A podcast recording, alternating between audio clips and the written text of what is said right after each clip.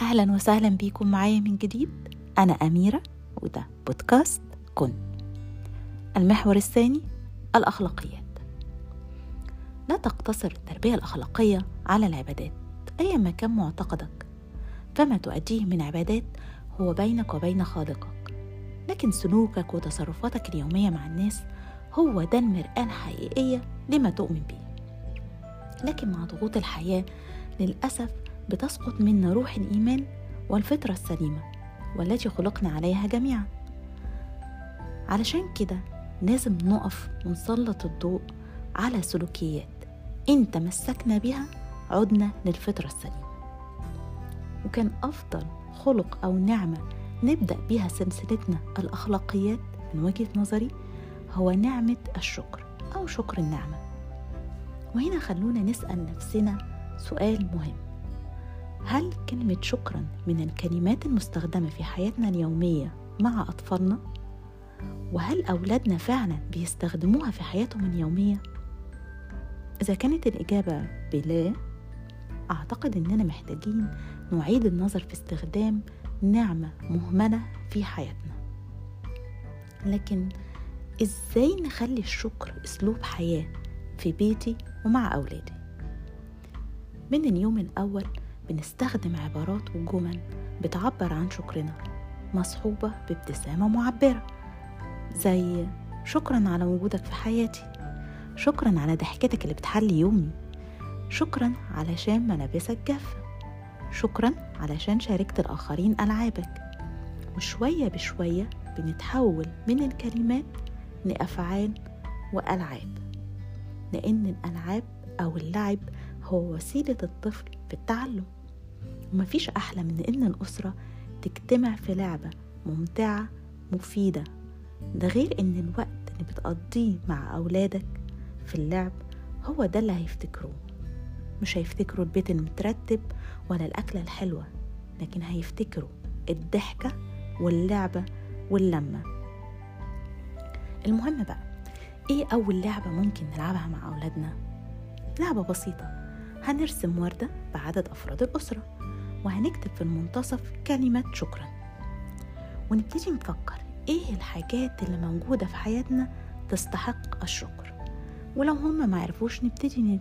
إحنا في الأول علشان نديهم مفتاح زي شكرا على البيت شكرا على القصة شكرا على الشراب الجديد شكرا على الأكلة الحلوة.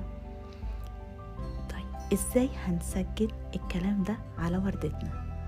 الأطفال الأصغر سنا لحد مثلا ثلاث سنين ممكن في ورق المجلات في المطبوعات اللي بتجيلنا إعلانات المحلات في القصص القديمة أو ستيكر وغيرها من حاجات ملونة يعني ومطبوعة هنبتدي نقص ونلزق على الوردة الأشياء اللي إحنا شايفينها تستحق الشكر.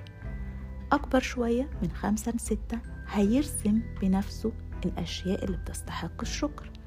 من ستة فما فوق يا إما هنكتب له الكلمة في ورقة وهو ينقلها بنفسه أو لو هو بيقدر يكتب هيكتبها بشكل منفرد وحر. طب نشاط زي ده إيه أهميته؟ أو هو غطى إيه من جوانب النمو؟ هو الحقيقة اشتغل على التربية الخلقية.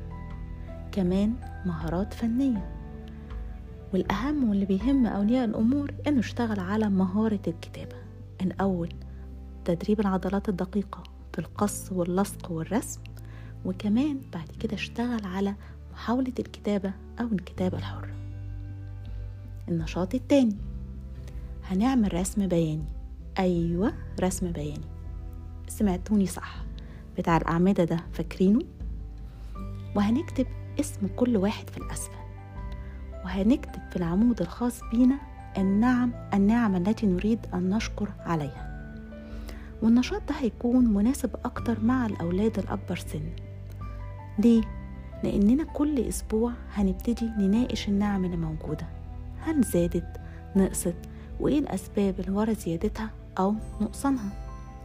ممكن مثلا يكون كاتب إن هو ممتن لوجود صديق في حياته. لكن النهاردة اتخانقوا مع بعض. وبالنسبة له هو ولا أهم حاجة ولا نعمة ولا يستحق إن هو يشكره حتى. من خلال نشاط زي كده هنعمل إيه؟ هيخلينا غير إن هو طبعا رياضيات ويشتغل على التصنيف وإن هو بي بيعمل فلترة وإعادة تنظيم للحاجات وفقا الحاجات المهمة في حياته وفقا لوجهة نظره هو كمان بيساعدنا على رؤية كواليس حياة أولادنا. واللي بيدور بينهم وبين أصدقائهم مثلا وإزاي هم بيشوفوا الأمور من وجهة نظرهم؟ وهل هم عندهم قدر من الذكاء الاجتماعي للتكيف وتقبل الاختلاف مع الآخرين ولا محتاجين يمروا بمجموعة من التدريبات علشان يقدروا يكونوا ناجحين اجتماعيا؟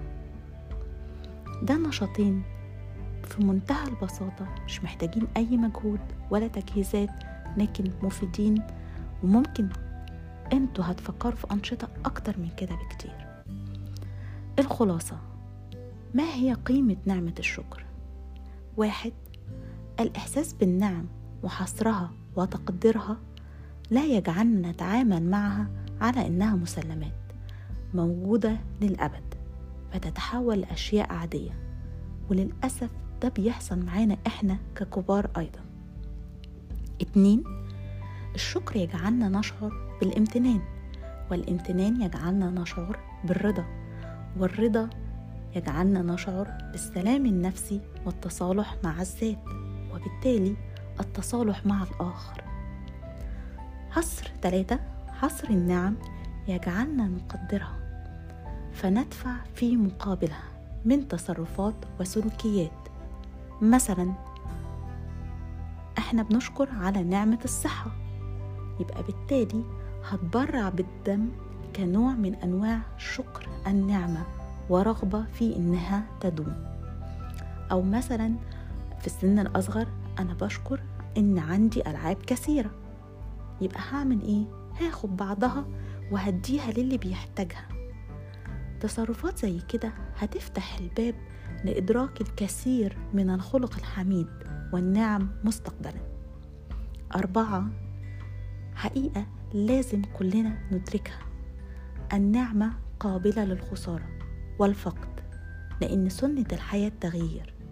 استمتع بوجودها وتهيأ لفقدها لأن دي طبيعة الحياة. كتير مننا بيضيع منه فترة إن هو يستمتع مع أطفاله بمرحلة الطفولة ويتفاجئ إن هما خلاص خرجوا من إطار البيت وإن هما قدامه وبقوا مستقلين بحياتهم بنضيع وقت كتير قوي وهم معانا ولما بيكبروا ويبعدوا بندور عليهم. هختم معاكم لقائنا بحكمة أو مقولة للإمام علي ابن أبي طالب كرم الله وجهه. إن النعمة موصولة بالشكر والشكر متعلق بالمزيد ولن ينقطع المزيد من الله حتى ينقطع الشكر من العبد. دمتم في رعاية الله وإلى اللقاء.